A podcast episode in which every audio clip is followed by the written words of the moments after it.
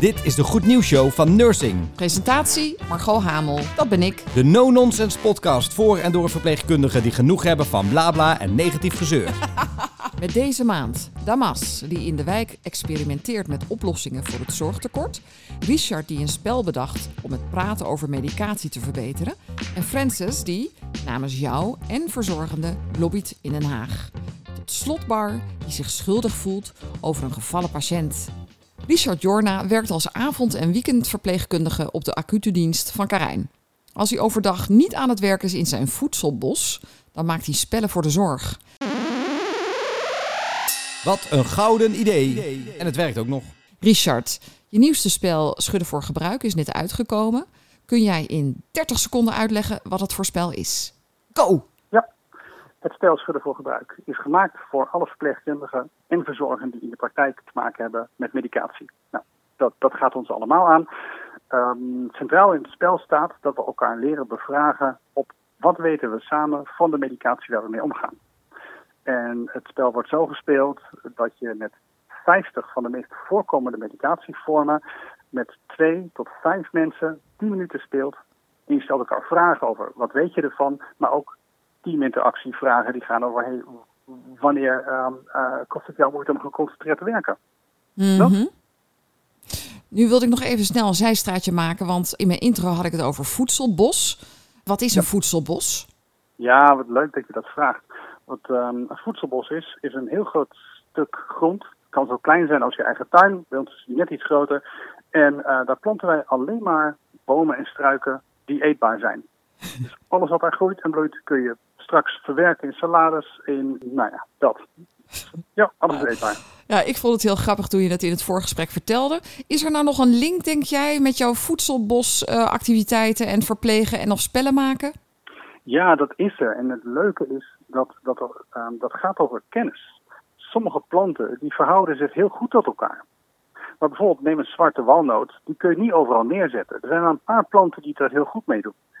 En zo, als verpleegkundige en als verzorgende, ook in de teams waarin we werken, werken we heel goed samen met, met sommige collega's. En ander, dat is meer een uitdaging. Mm -hmm. Schudden voor gebruik maakt dat we door te spelen elkaar de vragen kunnen stellen die we eigenlijk in het normale verkeer een beetje spannend vinden. Kan je daar een voorbeeld van geven? Ja, dat kan ik. Um, bijvoorbeeld een van de, als ik jou nu, Margot, als ik jou de vraag zou stellen. Hey, er was laatst een incident en uh, toen wij vergeten om de medicatie uh, um, toe te dienen zoals het hoort. Nou, de, de, meeste collega's vinden het een hele spannende vraag. Mm -hmm. Maar als je een kaart, ik heb die kaart voor me, onder welke omstandigheden vind je geconcentreerd werken met medicijnen het meest lastig? Of een variatie daarop. Yeah. Welke cliënt leidt jou het meest af bij het toedienen van medicatie? Dan stel ik jou niet de vraag, maar dan ligt deze kaart op tafel en die stelt de vraag. Dus de spanning is weg, omdat je aan het spelen bent. Ja, misschien is het handig om ook nog even uit te leggen wat voor soort kaarten er allemaal zijn. Hè? Want er zijn medicijnkaarten, ja. kenniskaarten en uitdagingskaarten. En het voorbeeld ja. wat je nu geeft gaat eigenlijk over die... Uh, ja, dat is eigenlijk... Is het een uitdaging? Nee, het is een kenniskaart, denk ik, hè, die je net uh, beschreef. Van, goh, uh, noem eens iets... nee, het is eigenlijk... Nee, nou, ik zit er helemaal naast. Ik vind het gewoon heel moeilijk. maar dat durf ik gewoon te zeggen. Maar, ja, zeg maar. Er zijn um, um, van de uh, 50 kaarten die er zijn, de 50 gaan over medicijnen. Dus dat zijn de, de, medicijnen die ik nog steeds moeilijk vind om, om uit te spreken, maar ook de makkelijke. Van paracetamol tot nitrofurantoïne. Nou, ik, moet, ik, ik heb een voor me, maar ik stort er nog steeds mee. Hmm. Um, dat zijn de medicijnkaarten. Dan heb je de kennis- en uitdagingskaarten. En de kenniskaarten die gaan over wat is een bijwerking van nitrofurantoïne. Wat is er een bijwerking van? Of tot welke hoofdgroep behoort die? Of is het risicovolle medicatie? Um, en dan heb je nog uitdagingsvragen. En de uitdagingsvragen die gaan over de vraag die ik jou net heb gesteld over hey, wanneer is geconcentreerd werken voor jou moeilijk? Of wanneer, of welke cliënt leidt je het meest af? Dat? Ja, oké. Okay. Um, waarom wilde je dit spel nou precies maken? Wat is nou precies het doel? Precies het doel is om te laten merken dat wij samen veel verder komen dan alleen. En schaamte over dat je moeite hebt met het uitspreken of het lezen. Of dat je denkt, ja, mijn collega weet eigenlijk veel meer dan ik. Soms is dat wel. Maar dat laat niet onverlet dat je met elkaar in gesprek komt. En niet alleen maar kijkt, zit het in de deksterzak.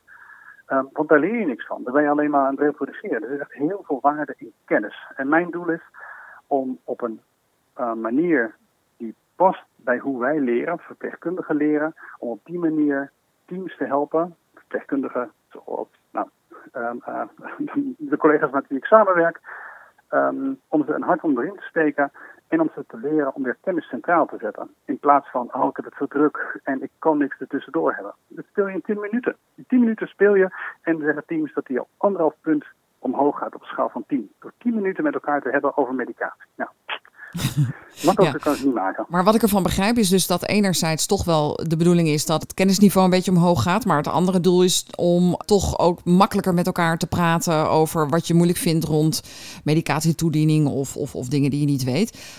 Zeg ik dat goed? Ja. Nou vroeg ik me af, hè, ik zag in de kaartjes ook dingen met spelling erin. Waarom zit dat ertussen? Ja, dat is leuk. Um, door met spelling bezig te zijn, door bezig zijn met uitspreken of door je geheugen te trainen, ben je meer onderdelen van je hoofd aan het gebruiken om kennis te nemen van die medicatie. Dus spellen is een manier dat je kunt zeggen, oh die collega weet heel veel.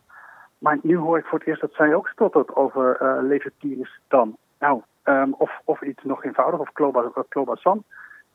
Door meer aspecten te benaderen die gaan over bepaalde medicijnen, zoals bijvoorbeeld het spellen en het samenspellen, um, zie je ook wat je collega kan, maar ben je ook nou, op een laagdrempelige bezig met um, dit is het medicijn en waar het over gaat. Hey, tot slot, wat kost het spel? Het spel is 50 euro voor de gewone versie en 44 euro voor de expertversie. En de expertversie is vooral voor de zeg maar, de aandachtsvelders en de kwaliteitsverpleegkundigen die op inhoud rondom bepaalde medicijnen waar in het verleden dingen mee verkeerd zijn gegaan, om dat, uh, om dat even extra aandacht te geven in de teams. Oké, en waar kan ik het bestellen? Jij en jouw team met een W, jij en jouw team.nl. En sowieso, als je vragen hebt, uh, voor, uh, ik ben zelf verpleegkundige. Ik vind niks leuker dan dat mensen bellen om even te overleggen. Hé, hey, hoe denk je hierover? Hoe kan ik het best introduceren? Ik zit met deze collega's, dit werkt wel, dit werkt niet, of ik heb het gespeeld. Bel gewoon, um, want ik vind mijn vak leuk. Ik hoef, geen, ik hoef geen spellen te verkopen. Ik vind het leuk. Dat doe ik ook. Ja. Maar ik wil gewoon contact. Dat is het. En dat telefoonnummer, dat, dat is zichtbaar op die site, neem ik aan. Ja. Oké, goed. Want dat gaan we niet nu hier noemen. Dat lijkt me niet heel, uh, niet heel handig. Maar goed, ja. uh, ik wens je heel veel succes en bedankt voor je uitleg. Dankjewel, Margot. Heel erg leuk. Oké, goed. Bye. Aan de lijn is Francis Bolle. Ze is lobbyist voor beroepsvereniging VNVN. Ze bepleit de positie van verpleegkundigen in Politiek Den Haag, waar zeggenschap inmiddels ook is doorgedrongen. En dat is goed nieuws. Hi Francis. Hallo, hoi. Ik zeg nu wel hè, dat je de zaak van verpleegkundigen bepleit in Den Haag. Maar wat doe je eigenlijk als lobbyist? Kun je gemiddelde werkweken eens beschrijven? Ja, wat je als lobbyist doet, dat is wel een vraag die ik vaak uh, te horen krijg van mijn leden. Uh, verpleegkundigen en verzorgenden die natuurlijk gewoon in zorginstellingen werken. Van wat, wat gebeurt er allemaal in Den Haag? Ja. Wat ik doe voor mijn werk is, is dat ik contact hou met allerlei uh, Kamerleden van verschillende politieke partijen. En dan gaat het met name om de Kamerleden die zorg in een dossier hebben. En met die Kamerleden kijk ik uh, wat er op de agenda staat, uh, wat relevant is uh, voor verpleegkundigen en verzorgenden. Um, en breng ik signalen over van mijn achterban naar de Kamerleden. wat er niet goed gaat, wat er anders kan, maar ook oplossingsrichtingen. Dus dat is in grote lijnen wat ik doe eigenlijk als lobbyist. En dan drink je koffie met ze? Ja, dan drink ik koffie. Ja, het is eigenlijk gewoon een werkrelatie die je, met, Ja. die je met elkaar hebt. Dus ik maak met elkaar kennis. Ik, weet, ik wil weten wat hun achtergrond is, eh, wat hun, eh, hun kennis is over de gezondheidszorg, maar zeker ook hun kennis is over verpleegkundigen en verzorgenden. Eh, en ik neem ze mee met een aantal dossiers die er gewoon lopen in, in het veld. En dat kan gaan over de acute zorg in de ambulances. Maar het kan ook gaan over de wijkverpleging of de verpleeghuiszorg. Het is gewoon heel divers de onderwerpen die ik met ze bespreek. En ik ben natuurlijk ook al een beetje kijken, zoekende van uh, waar hebben zij nog meer informatie uh, over nodig? Uh, is er een werkbezoek nodig wat geregeld kan worden? Moet ik ze in contact brengen direct met een verpleegkundige of verzorgende? Dus ik ben ook een beetje een brug, eh, een linking pin tussen mijn achterban en de Kamerleden. Hey, nou gaat die, uh, nou is al gegaan, hè? de wet zeggenschap is ingegaan op 1 juli. Klopt. Francis, heb jij daarvoor gelobbyd? ja, daar heb ik zeker voor gelobbyd. Daar ben ik uh, achter de schermen toch wel zeker zo'n vijf jaar mee bezig. Oh, ik, ik dacht honderd jaar, maar het viel mee. Nee, nou, nou soms voelt het wel een beetje honderd jaar, maar het is inderdaad maar vijf jaar. Nee, uh, wij waren er al een lange tijd uh, naar op zoek van hoe kan je nou de zeggenschap toch verbeteren. En er loopt ook een, een heel groot actieprogramma wat ook gefinancierd wordt, uh, mede door de politiek. Um, maar soms merk je toch nog dat er bestuurders zijn die niet uit zichzelf voelen dat zeggenschap geregeld moet worden in hun zorginstellingen. En hoor ik gewoon verpleegkundigen die gewoon niet gehoord worden. Dus vandaar dat we met een aantal Kamerleden toch gekeken hebben van hoe kunnen we dat ook wettelijk regelen. En dit is een voorstel van twee Kamerleden geweest, van de VVD en GroenLinks. Uh, die hebben een initiatiefwetsvoorstel uh, ingediend, zo heet dat, als het door de Kamer zelf wordt ingediend. Um, en daar hebben heel veel verpleegkundigen uh, over meegedacht. Dus ik was niet de enige die daarover meedacht. Uh, ook mensen uit uh, verpleegkundige adviesraden, CNO's, verpleegkundigen her en der in verschillende sectoren. Er zijn bijeenkomsten geweest, omdat zij toch heel goed wilden weten wat hebben die verpleegkundigen nou nodig om toch hun positie te versterken. En daar is uiteindelijk dit wetsvoorstel uitgekomen. En dat is een uh, een aanpassing van een bestaand wetsvoorstel, waarin we niet de vorm centraal hebben gesteld. Dus we hebben niet gezegd ook van er moet in elke instelling moet er een verpleegkundige adviesraad zijn, maar het moet wel geregeld worden. Dus het is niet meer vrijblijvend. Nee, nee, ja, er zijn al ontzettend veel initiatieven, hè? ook met, uh, met het potje geld wat er is, uh, 50.000 euro voor uh, mooie initiatieven. Maar ik wilde eigenlijk even overstappen naar de Tweede Kamerverkiezingen die eraan komen. Kan jij eens uitleggen wat jouw rol als lobbyist dan is? Ja, wat mijn rol eigenlijk is uh, bij zo'n aankomende verkiezingen. Dit was natuurlijk onverwachts dat in één keer het kabinet viel. Uh, dat kan altijd gebeuren. En wat je dan als organisatie wil doen, is dat je je standpunt uh, goed naar voren brengt. Dus je boodschap die je mee wilt geven aan politieke partijen, die zij weer op kunnen nemen in hun verkiezingsprogramma's. Dus we hebben als VNVN hebben wij een verkiezingsmanifest gemaakt, waarin we een aantal elementen hebben opgenomen. En dat, dat gaat onder andere over de instroom bevorderen, bijvoorbeeld het afschaffen van het college of het lesgeld.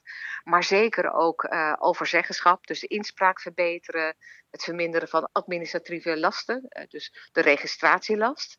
Dat zijn allemaal van die onderwerpen die wij in ons manifest hebben opgenomen. Uh, daarmee proberen we dus, wat ik al zei, de verkiezingscommissies van politieke partijen te beïnvloeden. Maar als er straks verkiezingen zijn geweest, willen we natuurlijk ook met ons manifest richting de formateur. Uh, want dan gaat er een regering geformeerd worden. En een regering gaat ook aan de slag met een regeerakkoord, waar ook een hoofdstuk zorg in zit. En natuurlijk wil je ook in het hoofdstuk zorg elementen vanuit je eigen achterban daarin naar voren halen. Van welke punten moeten ze wel opnemen en waar moeten ze vooral niet op ingaan. Dus uh, het is een verkiezingsmanifest die voor verschillende periodes tijdens de verkiezingen uh, van belang is. Dus voor de verkiezingen, maar zeker ook in de formatieperiode om te komen tot de regering. En, moet ik het dan zo begrijpen dat je met dat manifest in de hand uh, dan koffie gaat drinken met die nieuwe woordvoerderszorg? of hoe werkt zoiets? Ja, onder andere. Ik denk, we hebben nu nog een periode dat natuurlijk allerlei uh, verkiezingsnamen uh, uh, verzameld worden door allerlei politieke partijen. Dus je weet nog niet bij welke partij wie ook precies op het onderwerp zorg komt te zitten. Dat weet je eigenlijk pas na de verkiezingen, als zij intern ook hun dossiers hebben uitgewisseld. En wat je in deze periode voor de verkiezingen met name doet, is met name de media beïnvloeden. Dus ja. we hebben vorige week hebben wij ons manifest gelanceerd en dan wil je natuurlijk in zoveel mogelijk kranten, tv's, uh, radio-uitzendingen, het standpunt toelichten, je manifest toelichten uh, en daar ook uitleg bij geven van hoe je dat dan precies voor je ziet. Dus dat, zijn, dat is eigenlijk nu waar het focus ligt. Uh, maar als straks de verkiezingen zijn geweest, dan moet je langs bij alle, elke partij. En ga je inderdaad uh, kopjes koffie drinken met zorgwoordvoerders. uh, en ga je kennis maken. Ga je horen wie zijn zij en wat weten ze over de zorg. En wat weten ze ook over verpleegkundigen en verzorgenden. En weten zij ook wat zij nodig hebben om goed in de zorg te kunnen werken. Maar ook daarin te kunnen blijven werken. Dus hoe behouden we ze voor de zorg? Dat zijn eigenlijk allemaal onderwerpen die je met die Kamerleden uh, gaat doornemen. Ja, en sommige Kamerleden die moet je nog helemaal uh, vanaf het begin meenemen. Hebben ook niet altijd ervaringen in de zorg. En er zijn natuurlijk ook al Kamerleden uh, die misschien wel zelfs uit de zorg voortkomen. Dus daar heb je een heel ander gesprek mee. Ja, dat snap ik. Hey, nu even weer terug naar jou. Kun je uitleggen wat je leuk vindt aan dit werk? Ja, wat ik heel leuk vind aan dit werk is, uh, ja, ik vind het zelf de leukste baan die er is in Nederland. Ja, want je bent van oorsprong verpleegkundige, hè? dus dat is dan toch wel iets heel anders. Dat klopt, ik ben van oorsprong verpleegkundige, maar nu al lange tijd niet meer werkzaam in de, in de praktijk. Maar wat ik juist zo leuk vind, is de combinatie dat je enerzijds lobbyt voor een beroepsgroep die je heel nauw aan het hart ligt, waar je zelf uit voortkomt, waarvan je ook zelf ervaren hebt hoe het is om aan dat bed te staan. En tegelijkertijd uh, vind ik de hele politieke dynamiek uh, vind ik ook ontzettend boeiend. Hoe er gedebatteerd wordt, de stijl die mensen hanteren, uh, de punten waarvoor ze gaan. Um, en die combinatie van die twee werelden, ja, dat, dat blijft altijd een heel fascinerende baan is. En je komt ook met elke keer andere onderwerpen in aanmerking. De ene keer gaat het inderdaad over de wijkverpleging. En het volgende ogenblik heb je het weer over verwarde mensen in de psychiatrie.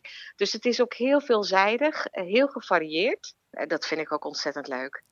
Nou, is zeggenschap um, ja, ook in de zorginstellingen voor verpleegkundigen relevant?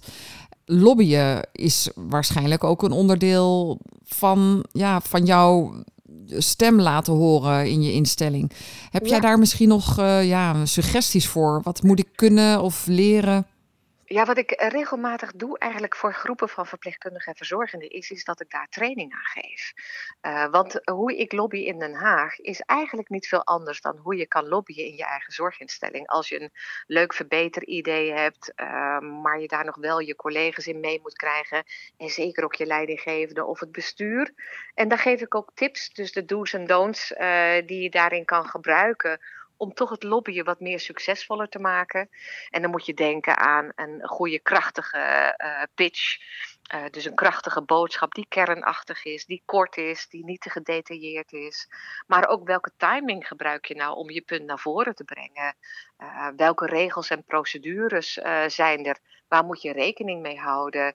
Dus dat zijn eigenlijk allemaal tips die ik ook met ze deel en ze daar ook in train zodat zij eigenlijk ook in hun eigen instelling uh, beter kunnen lobbyen. En ja, en lobbyen en, en zeggenschap en inspraak, het zijn natuurlijk, ja, het zit heel nauw aan elkaar gelieerd. Uh, dus als uh, ze beter kunnen gaan lobbyen, wordt de inspraak ook beter en hebben ze meer kans dat ja, wat ze eigenlijk beogen, dat het ook daadwerkelijk gerealiseerd gaat worden.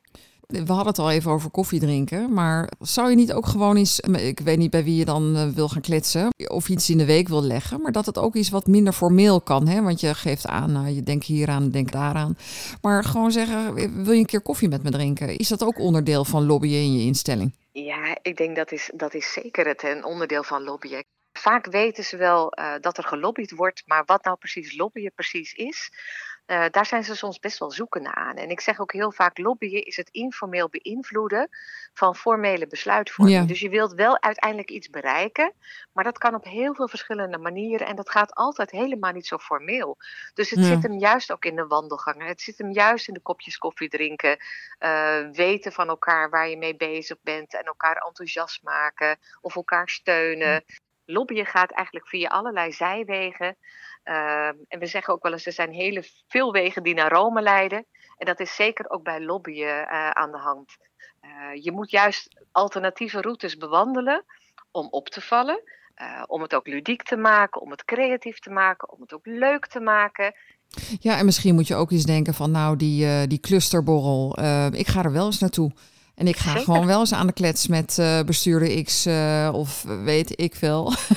weet ja. je wel, dat je, dat je niet denkt, nou ja, uh, ja, wat je wel eens hoort, hè, van ja, maar weet je, ik ben maar verpleegkundige, ik ben maar verzorgende. Nee. Precies, en ik denk wat, je, wat, je, wat ik wel dan aan de mensen meegeef, is als je naar zo'n receptie gaat of een, wat voor bijeenkomst dan ook. Hmm. Uh, denk even van tevoren na, als jij toevallig iemand tegenkomt, wat je daartegen zegt.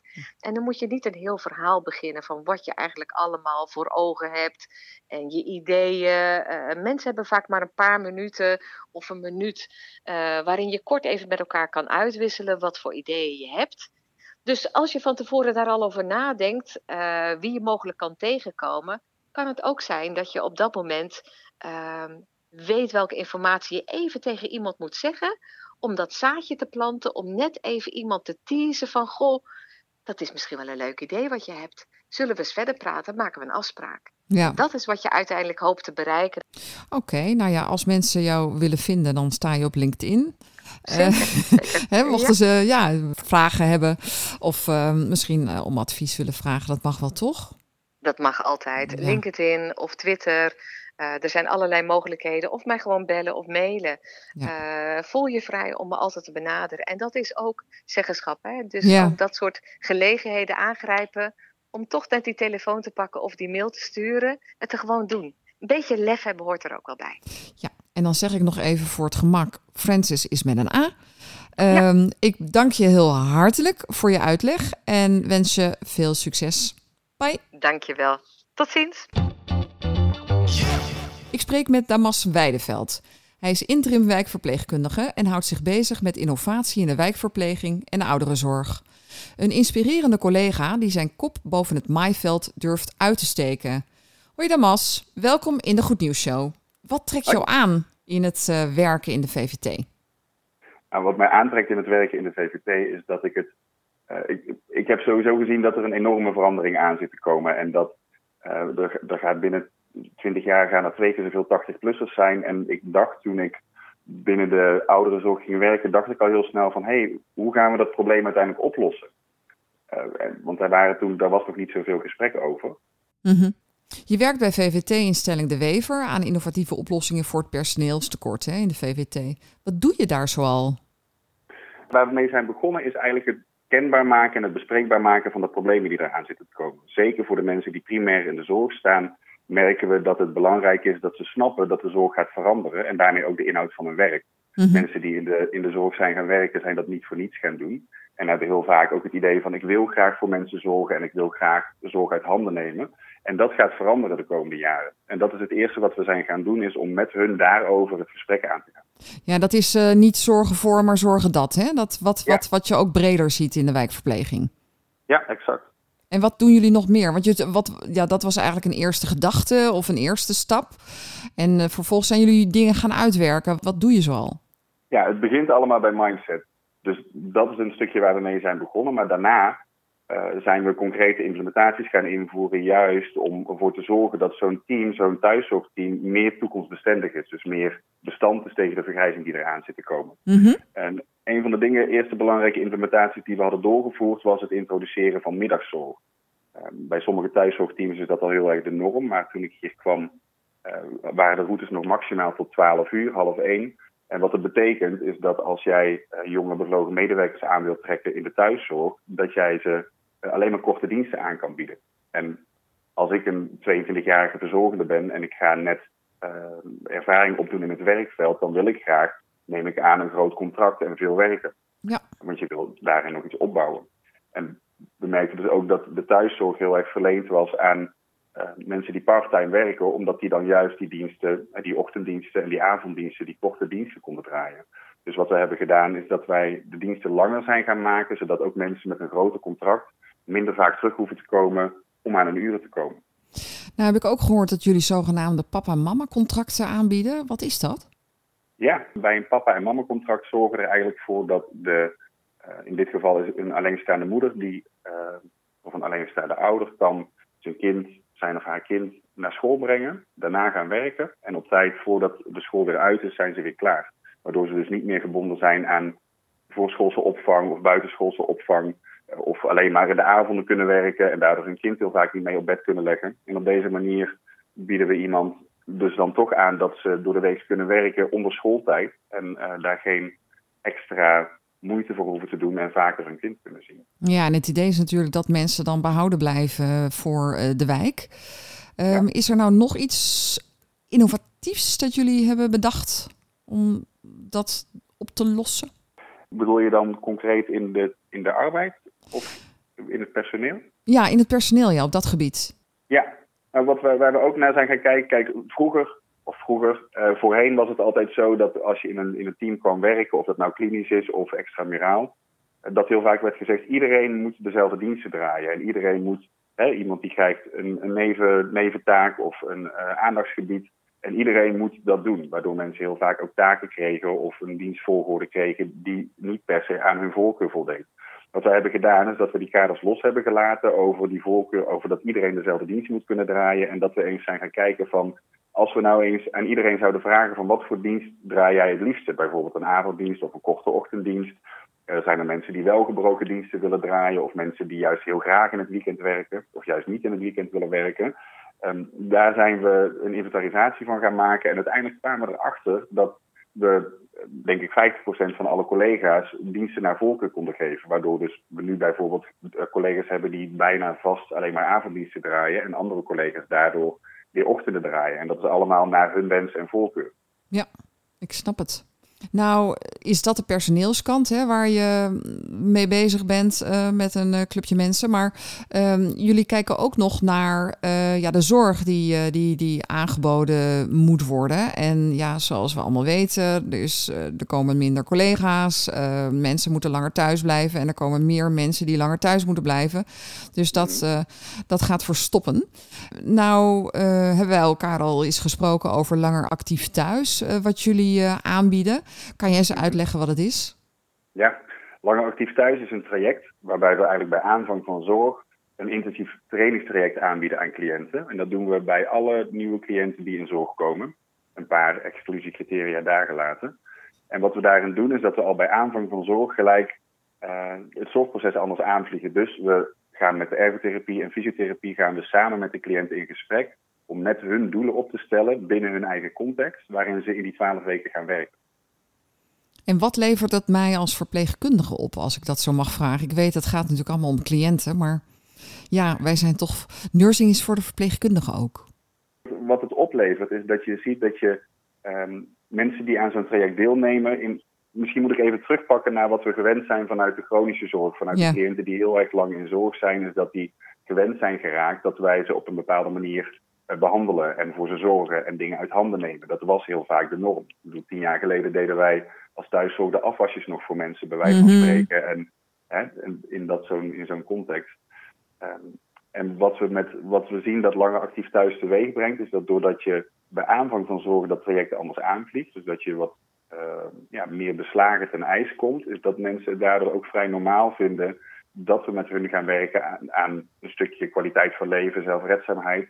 Maar dat mensen het ook ontzettend leuk, prettig en fijn vinden om op zo'n manier um, benaderd te worden. En om ook, ze voelen zich serieus genomen. Je gaat samen met de cliënt ga je, uh, ga je oefenen. De ergotherapeut die stelt met de cliënt doelen op. En vervolgens ga je ook als verzorgende of verpleegkundige samen met die cliënt uh, concreet werken aan die doelen. Zo kan iemand bijvoorbeeld het doel hebben om uh, heel graag weer naar zijn dokter te willen lopen.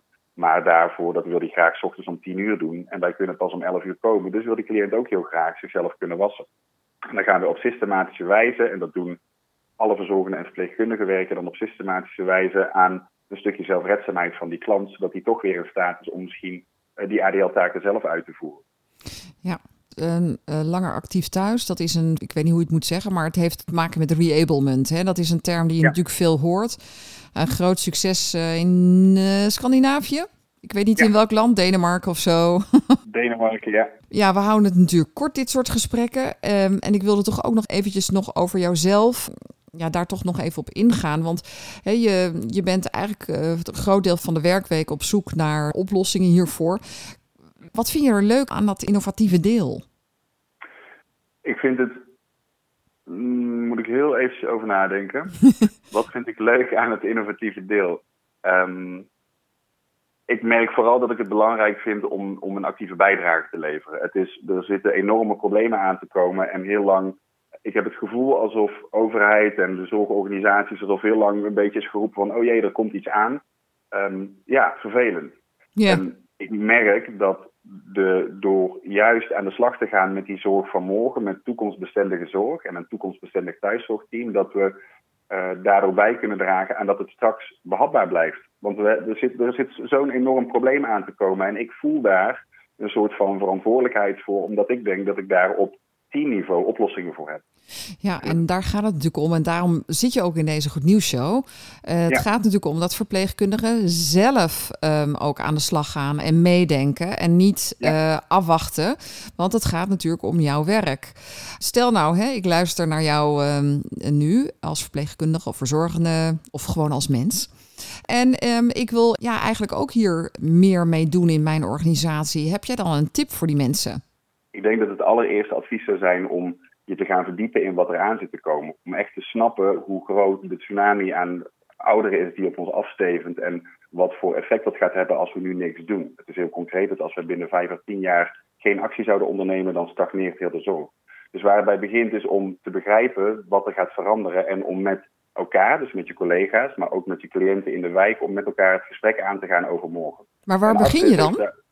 Ja, nou, Actis heeft daar een heel mooi programma over en dat heet Praat vandaag over morgen. En hebben daar ook de module in Hoe dan, waarin ze eigenlijk concrete handvatten geven om met elkaar dat gesprek aan te gaan. Wat voor vragen stel je? Waar moet je aan denken, zowel voor zorgmedewerkers als voor ouderen als voor gewoon de burger? Um, om juist met elkaar over dit gesprek, over dit onderwerp in gesprek te gaan. Oké, okay, dus ik moet dan naar de site van Actis en dan, uh, hoe heet dat programma ook weer? Praat vandaag over morgen. Oké, okay, nou dat zou een uitgangspunt kunnen zijn. En ik kan me voorstellen dat je ook in een par of een VAR uh, dit aankaart, omdat je toch ook wel met uh, mensen uit andere teams dit misschien uh, wil aanpakken. Ja. Hey, en als mensen die nu luisteren en interesse hebben in langer actief thuis of, of ja, jou zouden willen benaderen, is dat dan oké? Okay? en waar, waar kunnen ze jou dan vinden? Ik denk op LinkedIn. Op LinkedIn kun je mij vinden. En informatie over langer actief thuis is te vinden op de website van Mijzo. Dat is ook een initiatief wat vanuit daar is ontwikkeld. Maar ik ben, ik ben via LinkedIn te benaderen. Ja, je gaat gewoon naar LinkedIn en dan zoek je op ja. Damas uh, Weideveld. Dat is uh, Damas en dan Weideveld met EI. En dan uh, kunnen ze je gewoon uitnodigen. En ja, en je kunt ook googelen op langer actief thuis, denk ik. En we hebben ook zelf een mooi artikel op nursing.nl over langer actief thuis. uit 2023 is dat, meen ik. Dus um, daar kan je het eventueel ook nog vinden. hey, Damas, ik wens je heel veel succes. En um, we spreken elkaar nog wel, denk ik. Bye. Vast en zeker. Dankjewel. Wil je ook meedoen met de Goed Nieuws Show? Mail dan naar nursing.bsl.nl. En doe het vooral, want het gaat om jullie verhalen en ervaringen. Tot slot hebben we dan nog Bar, die haar column voorleest. Bye. Tijdens de avonddienst gaat er een noodbel. Als een geoliede machine vlieg ik samen met drie collega's erop af. In de badkamer van kamer 23 staat een collega gebogen over een meneer die op de grond ligt. Hij was zelfstandig naar het toilet gegaan, werd tijdens een draaibeweging duizelig en viel. Meneer is goed aanspreekbaar en lijkt niet erg onder de indruk van het hele gebeuren. Zo op het eerste gezicht is hij er ongeschonden vanaf gekomen. Geen bloed, geen schrammetje en geen pijn. Voor de zekerheid meet ik zijn bloeddruk en als die prima blijkt te zijn, hijsen we meneer met vier verpleegkundigen in een rolstoel. We stellen de arts op de hoogte en spreken af om ieder uur de EMV-score af te nemen. Helaas hebben wij er op onze neurologieafdeling regelmatig mee te maken met patiënten die vallen. Hoewel er veel aandacht is voor valpreventie. Vooraf schatten we de valkans in. Dat is belangrijk voor het voorkomen van valincidenten. Bij patiënten die onrustig zijn of een verminderd ziekteinzicht hebben, vragen we bijvoorbeeld of de familie open staat voor rooming in. Maar we kunnen helaas niet alle valpartijen voorkomen. En als een patiënt valt, voel ik mij daar altijd heel schuldig over. De doffe klap van patiënten die uit hun bed vallen, vind ik een van de naarste geluiden van mijn werk. Dat geluid raak ik nooit meer kwijt. En dan denk ik, als ik meer tijd per patiënt had, kan ik valgevaarlijke patiënten beter in de gaten houden. Als ik meer aandacht aan deze patiënten kan besteden, is de kans op vallen minder. Als, als, als. Na elke valincident vullen we een MIP in. Als ik aan het eind van de maand het overzicht van meldingen in mijn werkmail krijg, schrik ik van het aantal. Zelf kunnen we er ook wat van.